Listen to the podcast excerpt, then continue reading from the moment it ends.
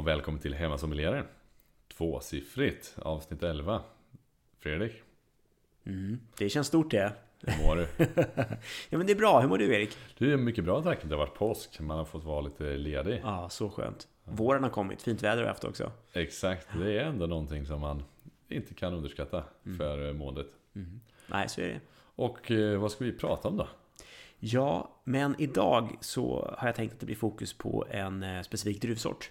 Och eh, det är ju ingen mindre än Pinot Noir. Ja, vi har varit där och nosat på Bourgogne-avsnittet. Mm. Ja, men det har vi gjort. Så att vi kanske spinner vidare lite ifrån det och fokuserar lite mer just på druvsorten i sig.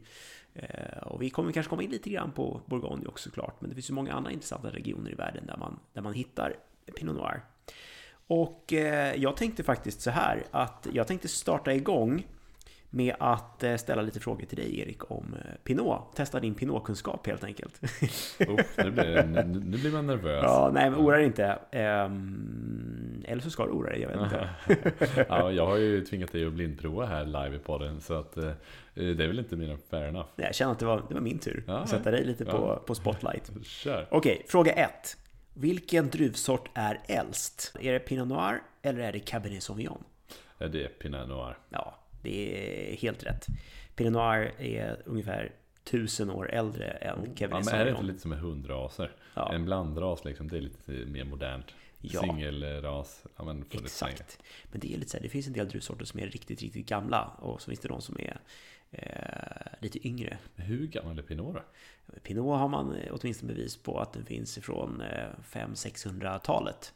Så att det är en gammal druvsort vill jag säga. Verkligen. Och Cabernet Sauvignon kom först på 1600-talet. Nykomlingar. Eller hur? 500 år på nacken. Fråga två.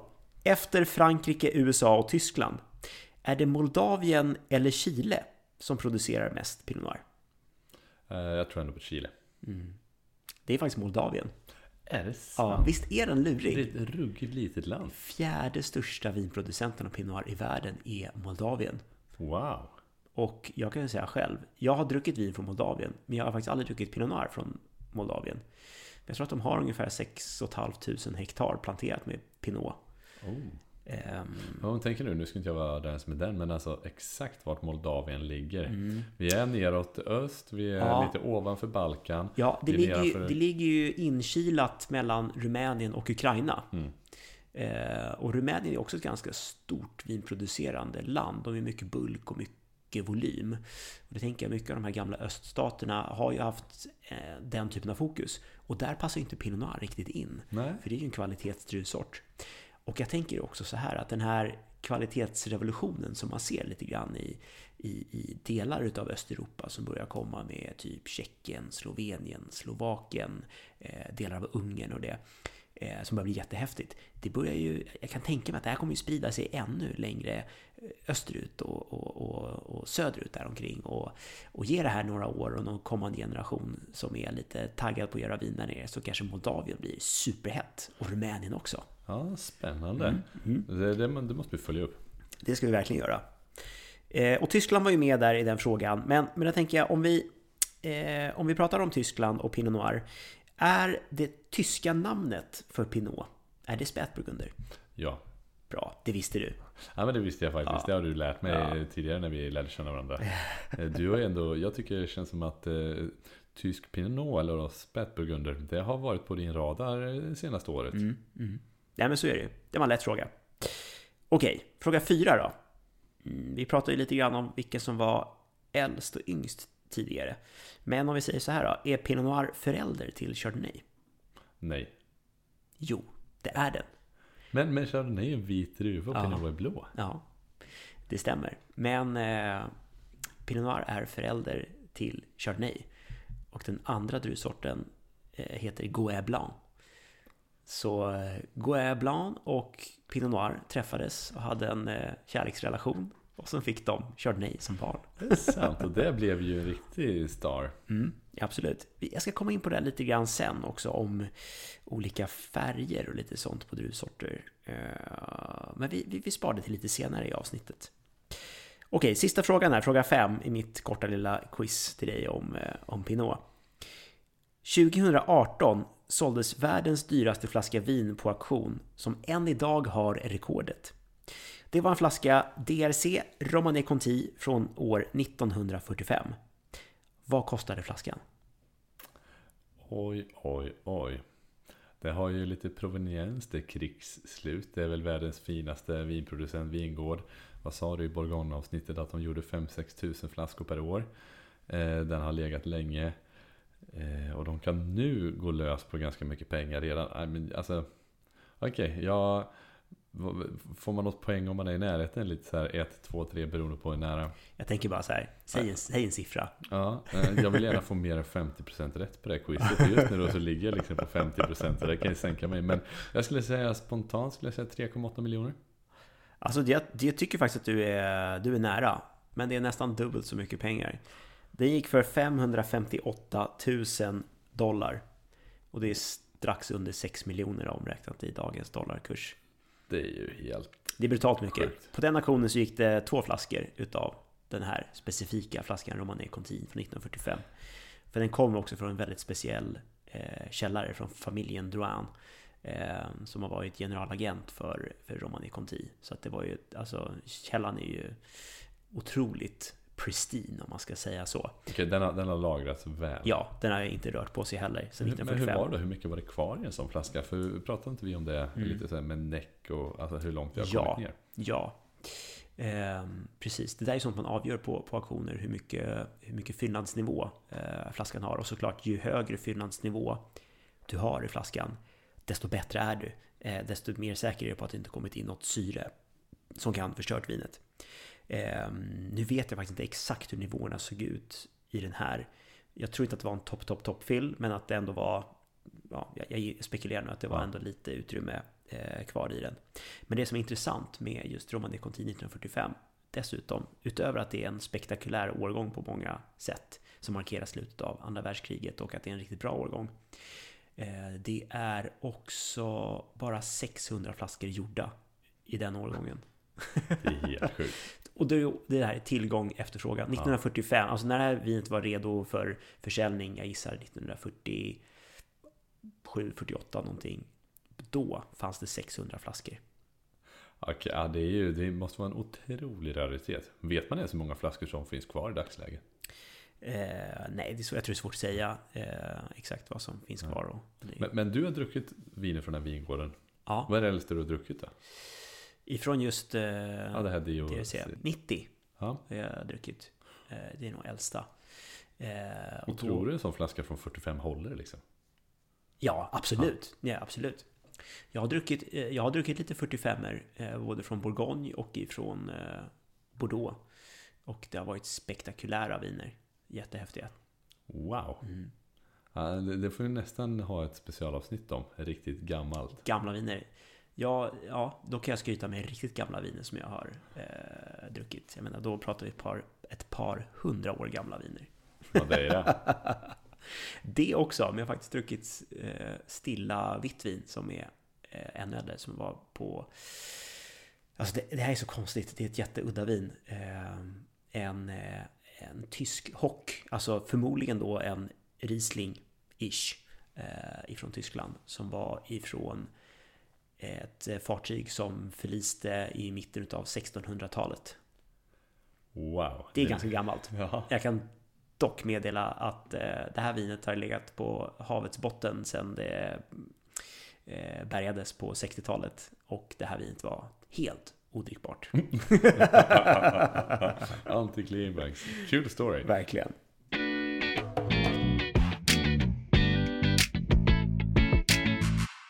Ja men sådär, jag tycker ändå att du eh, gjorde bra ifrån dig på quizen Erik. Ja men jag får tacka. Alltså, kan, kan man vara liksom 50-50 average, det, det, känns som min grej. Ja, men det var upplagt för att vara lite kluriga frågor också. Men eh, man vill ju väcka intresse för Pinot Noir. Eh, det är väl därför vi sitter här och gör avsnittet också. Så därför tänkte jag ge lite bakgrund om, om druvsorten. Och man kallar ju Pinot Noir för vinvärldens primadonna det här är ju inte på något sätt en, en enkel druvsort att hantera. Den är svår att, att kultivera och den är svår att hantera i vineriet. Och det här är en druvsort som har väldigt tunt skal, Vilket gör att den är känslig för röta och alla typer utav sjukdomar. Eh, och den trivs inte i varma klimat. För där blir det, växtsäsongen blir alldeles för kort så vinerna blir plumpa och, och väldigt ointressanta. Sen är det också så att eh, Pinot Noir ger naturligt en väldigt låg avkastning. Eh, vilket innebär att du får inte ut särskilt mycket frukt ifrån varje ranka. Då finns det heller ingen mening med att producera den i, säg att du är ett varmt gynnsamt klimat där du fokuserar på att göra mer stor volym, bulkviner och sådana saker. Då är Pinot Noir helt fel druvsort att, att jobba med. Eh, men också tack vare att den ger väldigt låg avkastning så är generellt kvaliteten eh, rätt hög. Om du lyckats med alla de här uppgifterna, för som sagt det är en otacksam druvsort att jobba med. Eh, den gör inte livet lätt för, för vinodlaren och vinmakaren. Men den som outtröttligt arbetar med sin Pinot i vingården och ger den blod, svett och tårar, då kan resultatet bli helt, helt magiskt.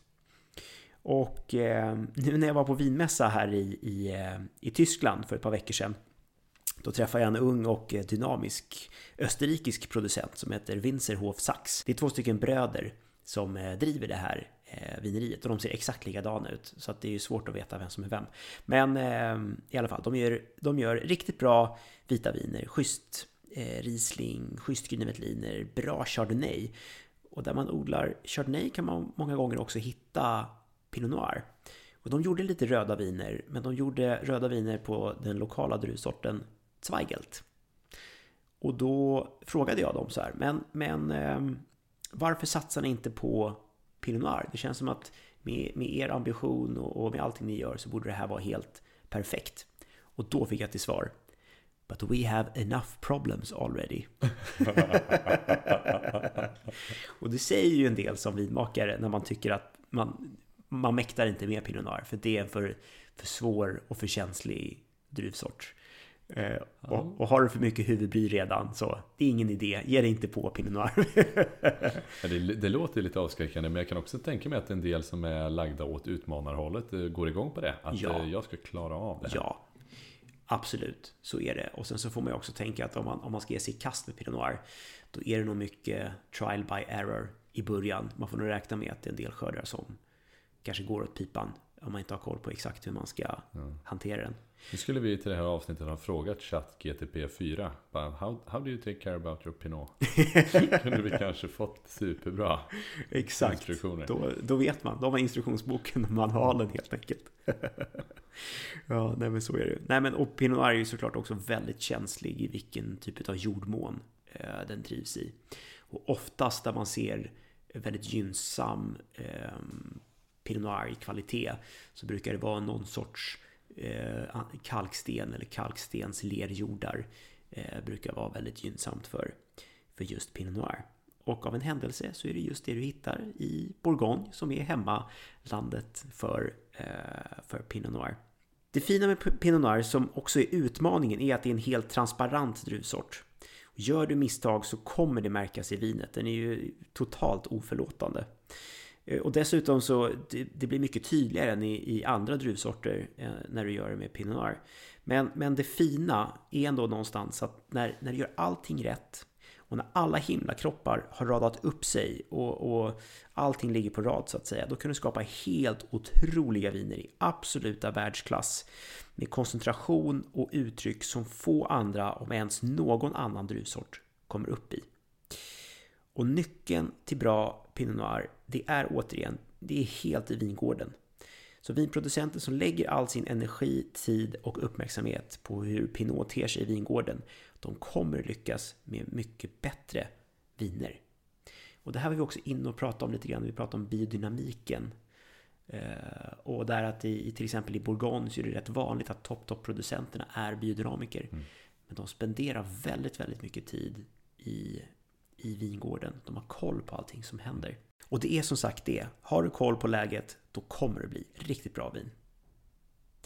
Om vi tittar sen till, eh, till Pinot i stort då så att säga. Så det här är ju verkligen en, en trendig druvsort. Och det är heller kanske ingen ny trend, men den, den växer fortfarande. Och framförallt tror jag att de olika ursprungen som man hittar Pinot Noir i är väl det som, som verkligen växer och, och trendar. Eh, men tittar man lite grann på vad folk gillar för, för viner överlag så är det ju det här kanske lite, lite lättare, lite elegantare viner som är bra allround, det är bra drickvin, det passar bra till eleganta maträtter och så. Och då, där passar ju Pinot Noir perfekt. Och just också att det generellt sett är ett hög kvalitet på de här vinerna. Och druvsorten som sagt kommer ursprungligen från, från eh, Bourgogne i Frankrike. Karaktären, alltså det är lättare fruktiga viner. Det har oftast en markerad syra och mjuka tanniner. Alltså återigen, det är ju en tunnskalig druvsort. Så den har inte särskilt mycket färg, så Pinot Noir blir ju rätt ljus i färgen. Oftast, det finns såklart mm. alltid undantag. Ehm, men, men även eh, relativt mjuka tanniner. Den är aldrig lika käftig och intensiv som en Cabernet Sauvignon är. Och som sagt, Pinot Noir har ju en sån här rödfruktig karaktär där man hittar hallon, det finns jordgubbar, gröna örter, man hittar oftast någon sorts apelsinblommighet, jordighet. I Bourgogne så kan man ju eh, rätt ofta hitta, framförallt i svala årgångar, så kan de vara lite, lite gröna, lite vegetala. Eh, och det där är, är, ibland kan man få en liten sån här kartig, eh, stram, sur känsla nästan när de är, när de är undermogna. Och sen i, i klimat framförallt där man ser mer det behöver inte vara varma klimat, för Pinot trivs inte i varma klimat, men där man har mer solljus så får man eh, lite mer fruktkaraktär, lite mer fyllighet och lite generell, ja, men lite sötare fruktkaraktär skulle jag säga. Man får mognare bär medan i svalare klimat får du mer svala, eh, syrliga bärkaraktär till exempel. Eh, och utanför Bourgogne så hittar man Pinot Noir i bland annat eh, Tyskland som vi varit inne på ett, eh, ett, antal gånger. Och man hittar även i Österrike, norra delarna av Italien, det finns i Schweiz. Eh, går man utanför Europa så har du några kända ursprung som bland annat Sonoma i Kalifornien. Eh, då har du både Sonoma Coast och, och, Russian River Valley som ligger lite längre in i landet som är kända för, för eh, toppklassig Pinot Noir. Och sen har du även Santa Barbara som ligger lite längre söderut, alltså precis norr om Los Angeles, är också ett prima område för Eh, eh för Pinot Noir. Och även om man kan tänka att det är lite varmare eh, just kring Los Angeles och sådär, så när du kommer in lite i, i landet och högre, högre upp där så blir det ett, ändå ett svalt typ av mikroklimat. Och sen just det här med att det är, när det är kustnära, framförallt när du är norr om Los Angeles, så har du eh, mycket av den här Stilla havsbrisarna som kommer in och gör att vinerna får den svalkan som de behöver. Men de har mycket solljus. Och man kan ju säga att äh, amerikansk pinot, det, det trendar ju mm, ganska ja, Enormt mycket. Och, och tar en del plats på bolaget. Absolut. Och, och, jag tycker de är trevliga. Ja, jag håller helt med. Jag, tycker, jag är väldigt förtjust i, i amerikansk pinot. Eh, det enda problemet jag har med amerikansk pinot, det är att de börjar sticka iväg i pris. Ja. man kunde fynda en del amerikansk pinot för ett antal år sedan, men det blir svårare och svårare. Eh, de börjar förstå värdet i vad de producerar. Exakt. Första gången vi sågs där hade du ju Napa provning. Ja, som jag var på. ah, och då var det ett vin som jag tyckte nästan var godast och jag tror det var från Russian Valley. Var det då en Pinot? Eh, ja, visst hade jag med en Russian River Valley eh, Pinot i, i provningen.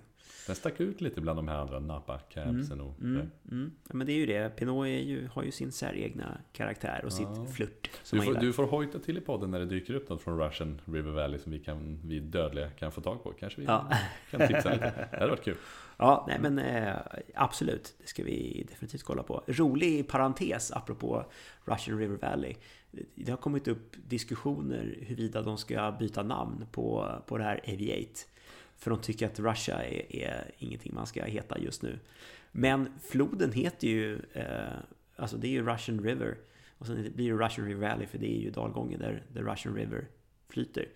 Eh, Just det, det är en fin balansgång. För ja, den är, den är svår. Eh, sen får vi se om det kommer ja. hända. Men det är i alla fall en, en, en snackis. men det är väldigt goda viner därifrån.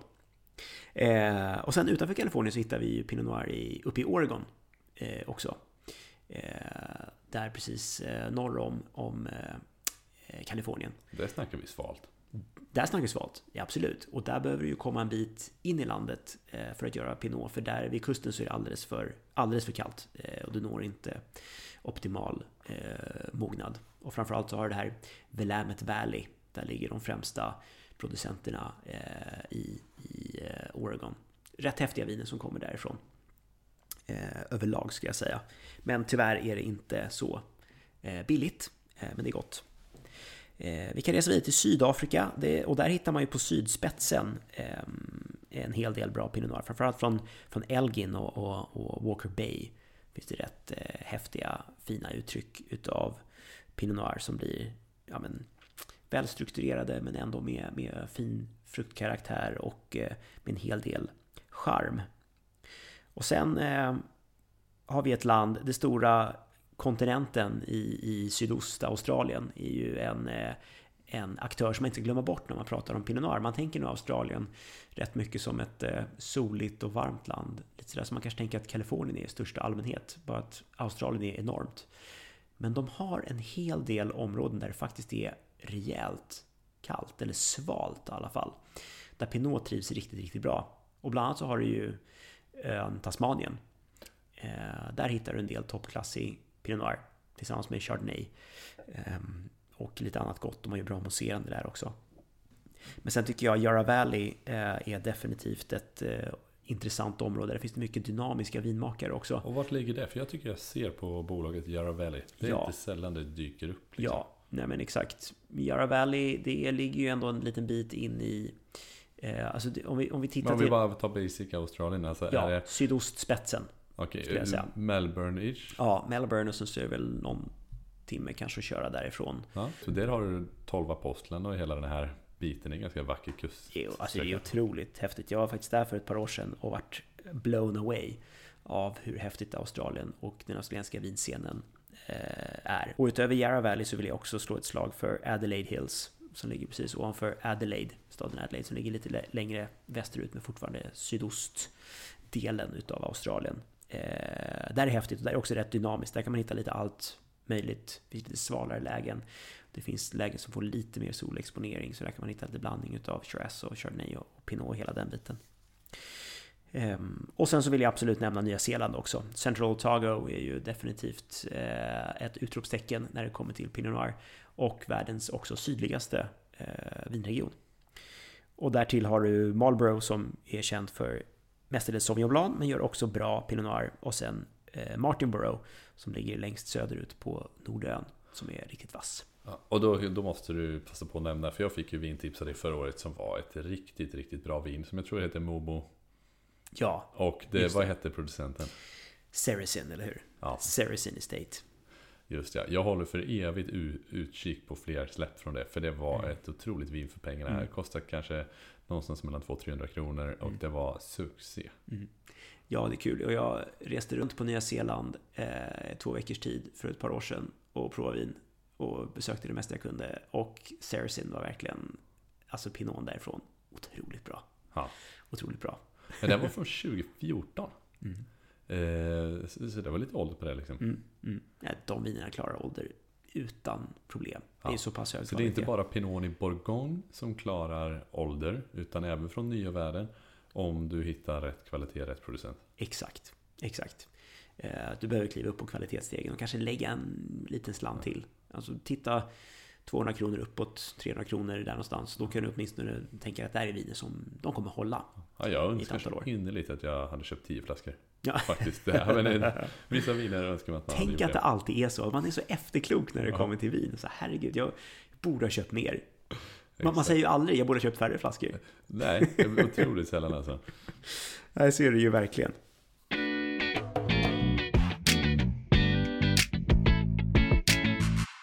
Ja, men där har vi varit ute och, och rest lite grann i, i vida världen, Erik. Men, men tillbaka till hemlandet Frankrike.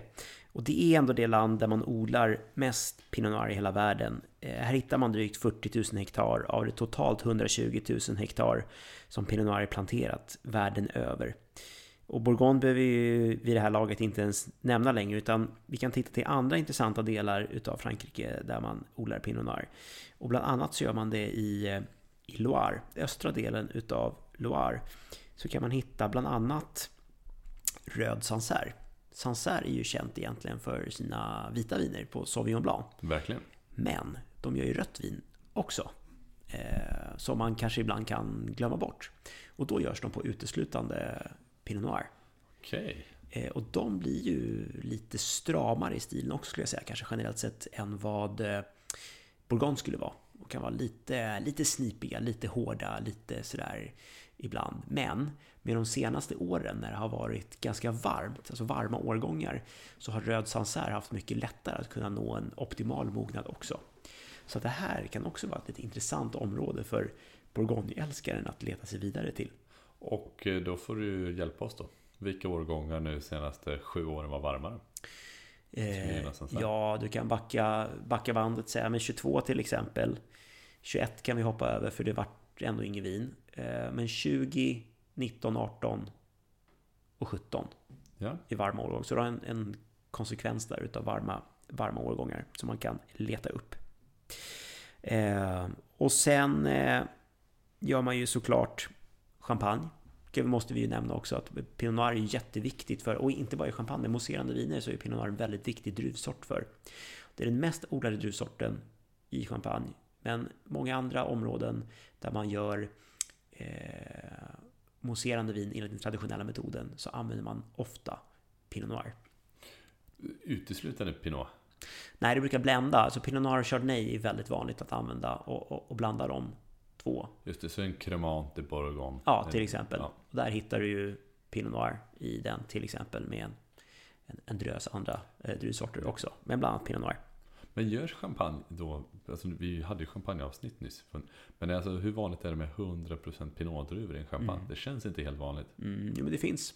Och det var ju de här Blanc Noir. Eller det kan, eh, det behöver inte vara, det kan vara Blanc Noir. För Blanc Noir kan ju också vara en, en blend mellan Meunier och eh, Pinot Noir. Men oftast så hittar du störstedels Pinot i, i Blanc Noir. Och eh, det är kanske inte så många som vet, men det finns ju en, eh, en, eh, en populär eh, champagne på den här marknaden som heter André Chloé. Eh, som har blå etikett med lite guld. eh, Ja, ja, ja. Där har du ju typ så här. Det är Mm. säkert en av de mest sålda på systemet. Ja, Så den är- där precis. pang för pengarna. Ex- Exakt. Och, och de går inte ut med det här officiellt själva skrivet på etiketten, men det är faktiskt en eh, Blanc Noir champagne. Kul. Så vill man liksom få ett pinotuttryck i sin champagne då, då är den ett alternativ. Exakt, exakt. Och sen har vi Alsace. Alsace var vi inne och pratade om lite grann när vi pratade Riesling, men de är ju röda vin i Alsace också. Och då är det Pinot Noir som gäller. Ehm, och sen utanför det så hittar vi Jura till exempel, som kanske är lite smalare. Men Jura ligger ju också rakt österut ifrån från Bourgogne, så en del saker påminner lite grann där. Men sen har de ju här lokala druvsorter som Trousseau och Pulsar till exempel. Men, men Pinot kan man hitta där också. Och sen eh, faktiskt, man kanske inte tror det, men i Languedoc-Roussillon nere i, i sydväst, nere vid Medelhavskusten, där man kanske tänker men här är det alldeles för varmt för Exakt Pinot. Ja. mitt inspel där. Att, Men eh, det, finns, det finns samma sak där. Det finns några eh, lägen som är lite svalare när man kommer lite längre in i landet, där det ligger lite högre upp på, på högre höjd. Där kan man hitta eh, faktiskt lite mer svalodlad Pinot Noir, som är bra. ja, blir det ett uttryck då som är lite mer, liksom, mer frukt? Mer, Ja. ja. Ja, sen kan jag kanske säga att det här kanske inte är de mest eh, komplexa vinerna på samma sätt som att en Bourgogne skulle kunna vara, alltså en topp Bourgogne är riktigt komplex. Men det erbjuder Pinot Noir till ett eh, riktigt bra värde, värde för pengarna, skulle du kunna, kunna hitta där nerifrån. Eh, men det är en, Pinot en, en liten minoritet eh, i, i, i Languedoc. Jag tycker ändå det är fint med dig, för du, du dricker ändå toppviner, har druckit de finaste de finaste vinerna. Men det, du återvänder ju också ofta till så här, för pengarna. Det uppskattar du också. Ja, det liksom men det, det där, och vet, hela spektrat. Ja, men sen tänker jag att det är också så här. Man älskar ju att gå och äta på fin krog och, och gå på stjärnkrogar och sådana saker. Men det är också väldigt gött med en korv med bröd. Eller hur? Det är ju lite så. Ja, Bra liknelse.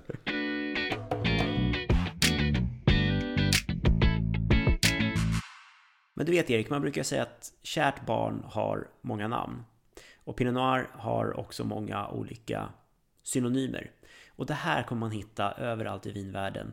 Eh, med att samma druvsort heter olika saker på olika platser. Och ibland heter de olika saker på samma plats. Och det kan vara enormt förvirrande.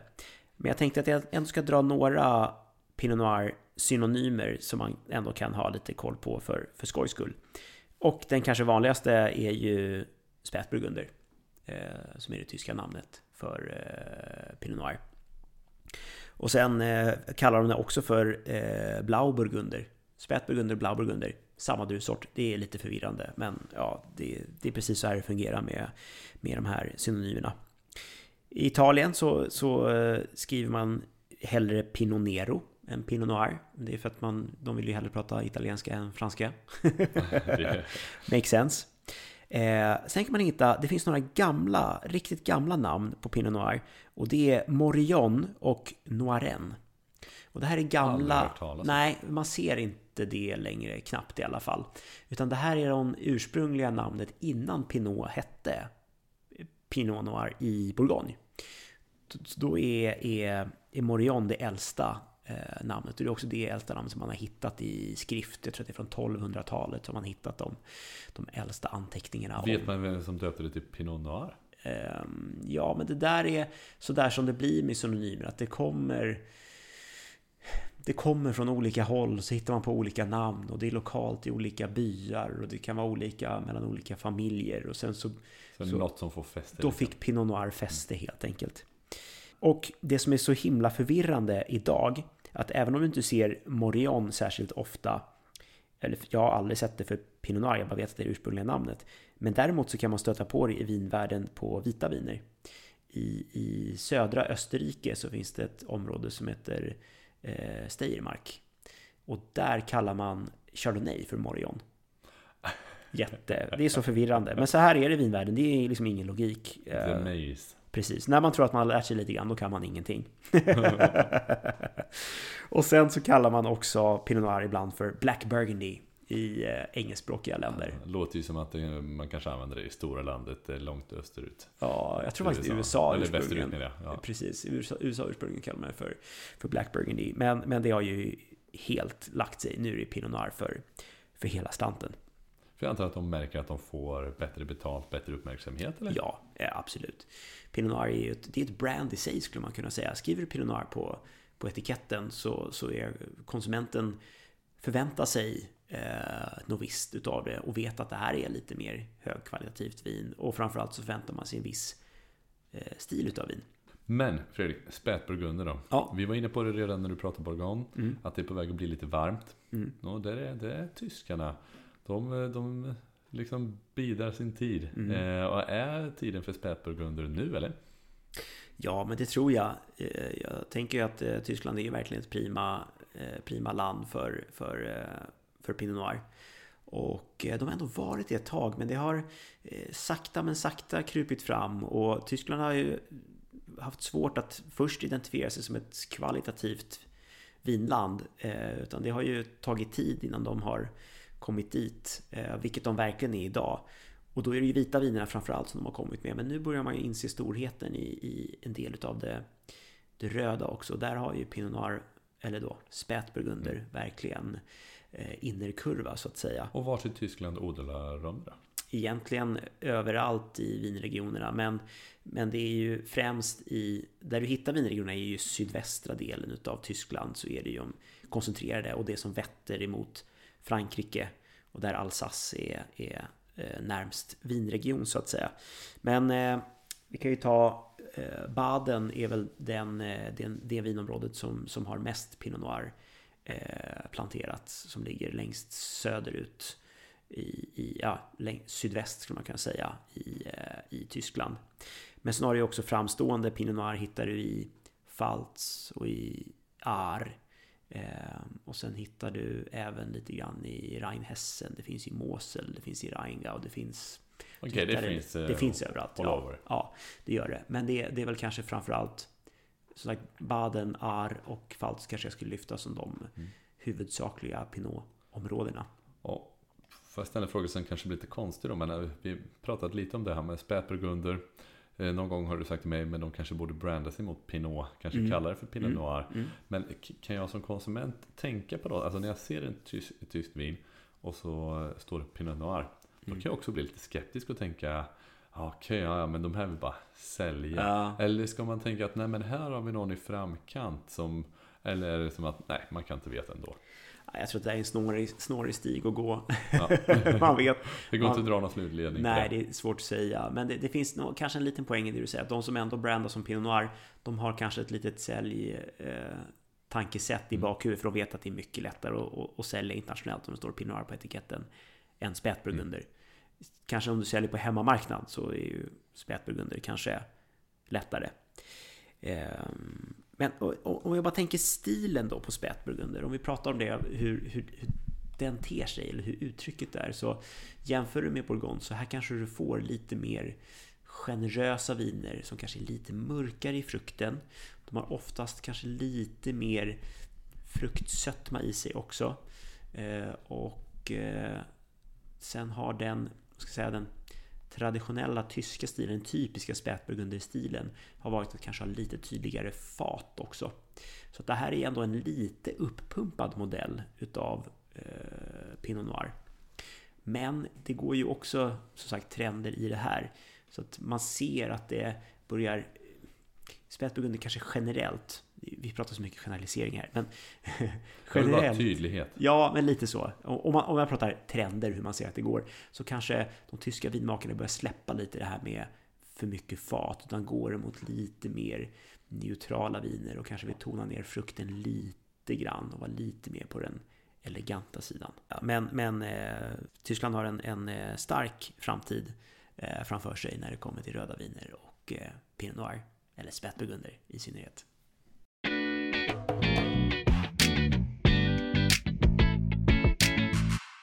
Har du hört talas om, Erik, att det finns mutationer utav druvsorter? Alltså jag är lite mer det här människokroppen, gener och, och sådana grejer. Där har man ju liksom koll på Ja, mutationer. jag tänker du är ändå läkare så att du borde... men, men, men det är väl klart att det händer i naturen hela tiden. Och Ja. eh, varför skulle inte det hända med eh, druvor? Ja, precis. Druvsorter har ju en förmåga att mutera också. Och Pinot Noir är kanske en av de druvsorterna som är lättast, eller som har lättast för sig i alla fall, att mutera. Och vad innebär det här då? Jo, då finns det ju ett gäng olika varianter utav Pinot Noir. Och egentligen skulle man kunna säga så här. Vi säger ju Pinot Noir, men egentligen skulle du kunna kalla druvsorten för bara Pinot. För att sen de här tilläggen som vi gör, Pinot Noir, du kanske det talas om Pinot Blanc, Pinot Gris, det finns Pinot Rosé, det finns Pinot Violette, Pinot Teinturier, Pinot Mouré, det finns en hel uppsjö utav sådana här. Och det är egentligen alltihop är samma druvsort. Det är bara att de har muterats. Så att Pinot Noir, Pinot Blanc och Pinot Gris är samma druvsort. Ah, Det där är lite så här, man blir lite mindblown när man pratar om det där. För att eh, det är nu på senare tid som man har kunnat göra DNA-analys utav olika druvsorter och sett att de här druvsorterna har identiska DNA. Vilket betyder att de egentligen är samma druvsort. Det som har skett eh, är då att den här ursprungspinon har muterat sig till olika färger bland annat spännande. Och det har blivit olika druvsorter. Det är jätte, jätte Men som man då också har tagit tillvara på lite i sin vingård och liksom det har gett ett lokalt avtryck. Ja, Och ja. mutationer finns bevarade på olika platser. Här kommer en liten rolig story då, tänker jag. Det finns en producent i Bourgogne som heter Henri Gouche. Och han gör riktigt härliga viner, är situerad i Nuit Saint-Georges. Han ehm, har haft... Han var helt hänförd när han eh, skulle producera sitt vin en årgång. Då hade han en vingård som han planterat med Pinot Noir. Eh, och sen när... Eh, under då växtperioden när eh, duvorna ska genomgå sin, den här veraison som jag pratade om, när de sista mognadsfasen när de byter färg. Så han, helt plötsligt var det en liten del av hans vingård där pinot aldrig bytte färg. Den var grön och den vart mogen. Och han var helt konfunderad och sa vad har hänt här? Han hade fått Pinot Blanc i sin vingård. Så han hade liksom first hand Wow. bevittnat den här Hur det händer liksom. skiftningen. Ja, Men exakt. vadå, sker det över alla rankor? Det låter helt otroligt. Nej, nej. Utan det var på Ja, specifik, liten, jag vet inte exakt hur mycket det var, men det Nej, var men en, liten plott eller en liten del där det var helt enkelt svart eh, eh, Pinot Blanc. Och det här är ju länge sedan, det är snart 100 år sedan, det är på 30, 30-talet. Så att det, det är ett tag sedan. Men det är ganska häftigt. Eh, Verkligen. Just det där. Hur det kan te sig med, eh, med mutationen. Och om vi ändå inne pratar lite grann om DNA och genetik och de här bitarna så nämnde jag ju också till dig i början, eller ställde ju frågan om eh, eh Pinot Noir är förälder till Chardonnay. Och då sa jag ja, det stämmer. Och den andra föräldern är Gouais Blanc. Vill du veta vilka som är syskon till Chardonnay? Ja, verkligen. Gärna. Därför tycker man ju säga så här att eh, Pinot och Gouais Blanc, det här var ju ett fantastiskt kärlekspar. Vilken familj de bildade. De fick alltså avkommorna Chardonnay, Aligoté, Gamay, Melon de Bourgogne och Auxerrois, bland annat. Det här är kändisarna, det finns ett gäng eh, druvsorter till som de är föräldrar till. Men eh, Aligoté hittar man ju också vanligtvis i, i Bourgogne, eh, som heter då Bourgogne Aligoté till exempel, eller används mycket för mousserande viner. Gamay, det är ju druvsorten i Beaujolais. Beaujolais. Exakt, den druvsorten som varit förpassad ifrån Bourgogne, som inte fick vara kvar där. Men finns den där druvan kvar då, Gouais Blanc? Nej, det är det som är grejen. Den här är i princip utdöd. Det går inte att... Jag har aldrig sett den. Nej, nej. Jag kan säga jag har aldrig provat en Gouais Blanc. Jag vet att det finns ranker i världen med Gouais Blanc. Jag, vet, jag är osäker på hur mycket det, det finns. Eh, och jag tror att en del är hos sådana här universitet och, och eh, som har det i, i sina universitetsvingårdar och sådana saker. Eh, för att de forskar på det. men Gouais Blanc, det var ju dåtidens Chardonnay under typ medeltiden. Det var ju, det var ju The Bomb, det var ju det man drack, det var Gouais Blanc. Det var ju storheten. Eh, och sen så har den dött ut, men eh, dess avkommor och Pinot har ju då Lever funnits, vidare. exakt funnits kvar. Sen nämnde jag också Melon de Bourgogne. Och eh, det är, den druvsorten är lite lustig för den ser du inte i, i, även om den har ursprung förmodligen då i Bourgogne, så lever den inte kvar där idag längre utan den har flyttat till Loire. Och längst ut väster i Loire så ligger ett område som heter Muscadet. Ja. Eh, och Muscadet ger riktigt sådär strama, mineraliska, lätta, okomplicerade, enkla viner på druvsorten Melon de Bourgogne. Kul. Så där har, ja. du, där har du Pinot och eh, Det, det finns ju en väldig spännvidd i Pinot. Alltså. Ja men alltså hur mycket, hur mycket som helst. Och trenden med Pinot den har ju pågått i, i över 20 år. Och den här brytpunkten när det verkligen blev trendigt, det här är ju eh, början på 2000-talet. Det finns ju en film som heter Sideways som kom ut 2004. Och eh, den fick ju sån otroligt stort genomslag för just Pinot Noir. Och innan den här filmen kom ut så drack, nu pratar vi såklart om, om den amerikanska publiken, men det här spred sig vidare till hela världen. Men innan den här filmen så drack alla Merlot. Merlot, Merlot, Merlot. Det var det, var liksom det vinen som gällde. Och sen i den här filmen då, man får ju följa de här huvudkaraktärerna Jack och Miles när de reser runt i Kalifornien och provar vin och är lite vinsnobbiga utav sig. Eh, och de är inga Merlot-fans. De bashar Merlot ordentligt. Och eh, det finns ett härligt klassiskt citat i den här filmen när, när Miles säger I ain't drinking no fucking Merlot. När han vill bara ha Pinot. Och det var helt sjukt vilket genomslag den här fick, för det fick alla att egentligen sluta dricka Merlot. Vinmakare, de eh, gick ut i, i vingårdarna och, och ryckte upp eh, Merlot-plantor och började plantera Pinot istället. Och där kanske blev lite fel en hel del grejer för att Merlot och Pinot trivs inte alls på samma ställen. Um, och nej, där började trenden med... Det är ju helt sjukt. Vilken, ja. Vi sitter här över 20 år senare och vi pratar om den här filmen. Ska man se filmen? Eh, jo men det tycker jag. Jag tycker ändå den är rätt härlig. Eh, det, det handlar om två, två killar som reser runt och ena ska gifta sig och så blir det en liten grabbresa och sen så träffar de lite tjejer och så dricker de lite vin. Och så det, det, det är inte en vinfilm i sig, den utspelar sig i, i, i wine country, vilket är är rätt härligt. Ja, och de dricker vin. Jag, jag, ja. jag, jag ska se den. Ja, gör det. Och det finns en fantastisk slutscen som är så underbart dekadent i den filmen.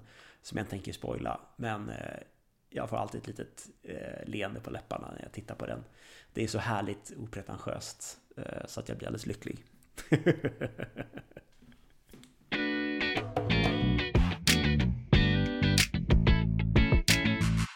ja, men nu börjar man bli lite vinsugen faktiskt känner jag. Så nu häller vi upp första vinet här. Och eh, det här sa du direkt till mig Erik att det här känner du igen. Ja, det har jag fått i gå bort gång. Ja. Och eh, det var trevligt.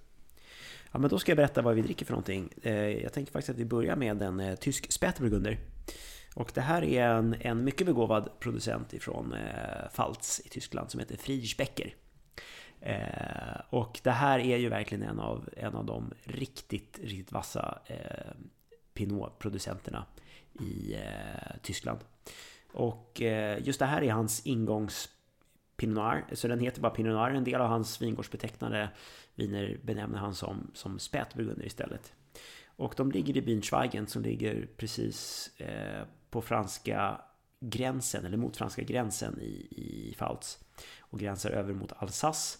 Och faktum är, de har ungefär 30 hektar vingårdar. Och hälften utav deras vingårdar är situerade på andra sidan gränsen och ligger i Alsace. Jag pratade lite om det här i Riesling-avsnittet ja, men exakt, också. det var en del som behövde åka fram och tillbaka liksom. Exakt. Så att eh, det här är, ska man säga, ett 50-50 vin. Där, nu vet jag inte om det är just det här vinet i och för sig, men, men 50-50 producent i alla fall. Där hälften av eh, vinet kommer ifrån eh, Tyskland och hälften ifrån Frankrike. Vi hoppar väl in och doftar lite. Mm.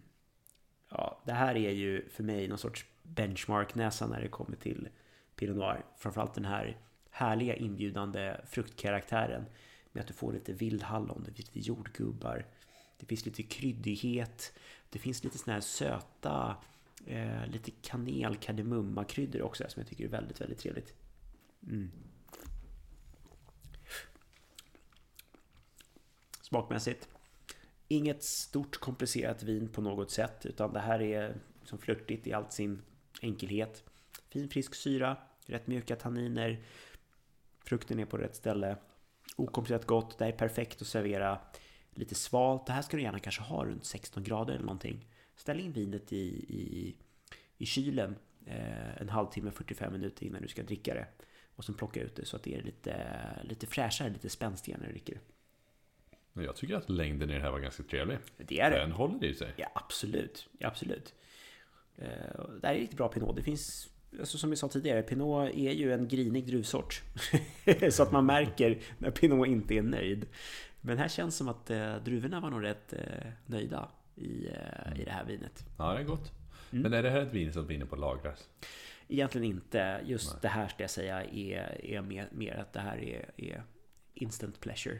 Uh, du, kan hålla, du, du, kan hålla på i ett par år, men två, tre år kanske jag skulle säga.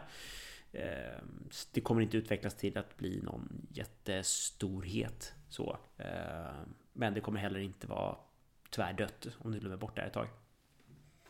Mm. Jag tänker ett klockrent vin också till lite olika rätter utav kyckling, fågel, eh, där du har kanske lite mm, skysås eller lite den typen, kanske lite svamp, lite mörkler. Jättegott, men det är också ett klockrent rött vin att ha till, till fisk. Vad är det som gör att du plockar upp svamp då?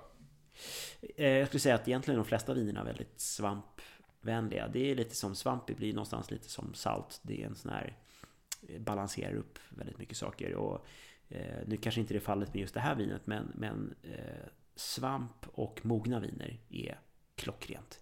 För det, när vin har mognat, alltså att det är kanske 10-15 plus år, då börjar du få lite sådana här under eh, vegetationsjordiga toner. Det kan vara lite svampig karaktär. Då är det väldigt snyggt att, att matcha det med varandra. Just det.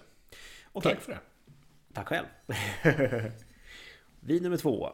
Och eh, jag kände att det här kan ju inte vara ett eh, regelrätt Pinot Noir-avsnitt om vi inte är i Bourgogne.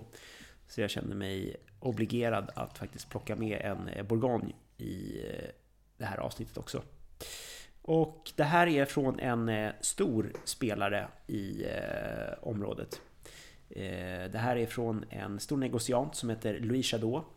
Och de producerar ju verkligen vin i typ varenda kommunursprung, appellation som i princip finns i Bourgogne. Eh, så de är stora.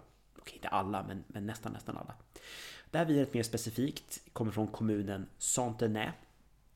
Och det är kommunen som ligger egentligen längst söderut i Côte d'Or. Okej, okay, så inte riktigt Maconnais, men vi är där nosar? Nej, norr om, precis, vi är norr om det. För att norr om eh, Maconnais så kommer ju Côte Chalonnais det här är precis mot gränsen mot, mot Côte Chardonnay då, så att säga. Men fortfarande i, i Côte d'Or. Ehm, och det här är ju också, bara tittar man på, på, på den här flaskan så är det här ju precis tvärtom emot eh, Friedrich Beckers Pinot Noir där det står väldigt tydligt Pinot Noir med stora bokstäver på etiketten. Här kan du inte utläsa Pinot Noir någonstans. Det står inte på baksidan. Det står inte på framsidan. de är sköna då fransmännen. Ja. Alltså innan jag träffade er, jag hade faktiskt aldrig tänkt att Bourgogne bara var en druva och att det var Pinot. Ja, Men varför gör de så? Nej men det här är ju, så här är det. I den franska modellen så handlar det mer om att man ska premiera ursprunget. Det här är ju, alltså där du står, där du verkar, den jorden du arbetar. Det är den bästa, det är den viktigaste, det är det främsta. Druvsorter är underkastat det här. Och det här är traditionella sättet att se på det. Nu börjar det ändras eh, lite grann i, i vinvärlden om det här också. Man ser att fransmännen använder druvnamn allt oftare just för att det är, eh, konsumenten är vanare att se det. Men i det här fallet så kan du inte utläsa druvsort någonstans. Den här står i kommunen. Det är byns namn och det är Santenay helt enkelt. Och här känner man ju, det här är ett litet kvalitetssteg upp. Eh, pratar vi frukt i det här så är den, det finns en lite mer, den är inte lika direkt, det finns en elegans, den är lite dovare. Men det är fortfarande karaktärsmässigt alltså rödfruktig, lite sval, elegant typ av bärfrukt. Alltså för mig, min nybörjarnäsa det här känns som en lite mer balanserad doft än det förra. Det förra var ganska mycket Mm. Det var lite kryddigt pang på. och sådär. Det var lite pang det på. har en väldigt eh, Det här är mer jämn och kommer liksom... Ja, ja nej men det, jag håller helt med. Det är lite mer nedtonat. Och sen finns det lite mer, det finns lite mer kryddor, lite mer örter, det finns lite mer eh, av det här eh, liksom uppiggande gröna eh, som ändå är en, eh, i det här inte någon, någon sorts undermogen karaktär utan en, en väldigt härlig eh, komplex karaktär istället skulle jag säga. Mm. Smakmässigt, det här är väldigt lent. Det är väldigt mjukt. Du fyller ut munnen på ett fantastiskt sätt. Och här kan vi prata längd. Här känner man verkligen, det här sitter ändå, det här sitter ändå i eh, ganska mycket längre. Och eh, är det ett snyggt vin. Ja, det var gott. Mm. Det här är en årgång 2017, så det här är också en av de här... Den har lite, visst det är lite mognad på den. Eh, men eh, eh, framförallt så är det en varm årgång, så här kan vi inte prata om någon undermogen eh, bourgogne på något sätt. Och användningsområde för det här, ja jag tänker lite samma sak där, men här kan man gå på kanske ännu mer lite eleganta fågelrätter. Lite mer vildfågel. Eh, och den typen är, är ju jättehärlig till, eh, till bra bourgogne. Ja, absolut. Men om man kliver in på en köttbit här då? Mm. Eh, hur ska man tänka då? Kan man tänka att man ska gå på något lite elegantare Ja, stycke då? ja, det tycker jag. Alltså tänk kalv kanske. Mm. Och det hållet som är eh, ändå lite mer lättare. Alltså samma lättare sås, lättare tillbehör, elegans. Släng in... du pratar bara schnitzel. Det är gott alltså. Ja, men tänk också... Visst, nu är det vår, men primörer. Det här är Ja. också klockrent. Eh, och ha sparris. Får man lite spröda eh, morötter. Här är lite vårlökar. Allt sånt där. Det här var två väldigt trevliga viner att dricka Fredrik. Mm. Tackar för det. Mm, tack själv. Ja men någon gång Fredrik, eh, mycket bra grejer att ta med mig från avsnittet men litet livsuppdrag ska bli att jag ska få ta och leta upp en flaska Gouet Blanc. Och eh, om, det inte, om det inte blir nu så kanske om eh, några år. Ja, det känns som ett bra löfte tycker jag. Men tack för en trevlig Pinot-genomgång. Du, tack själv Erik. Det här var inte så tokiga viner. Ganska gott. Ja, väldigt trevligt. Skål! Skål!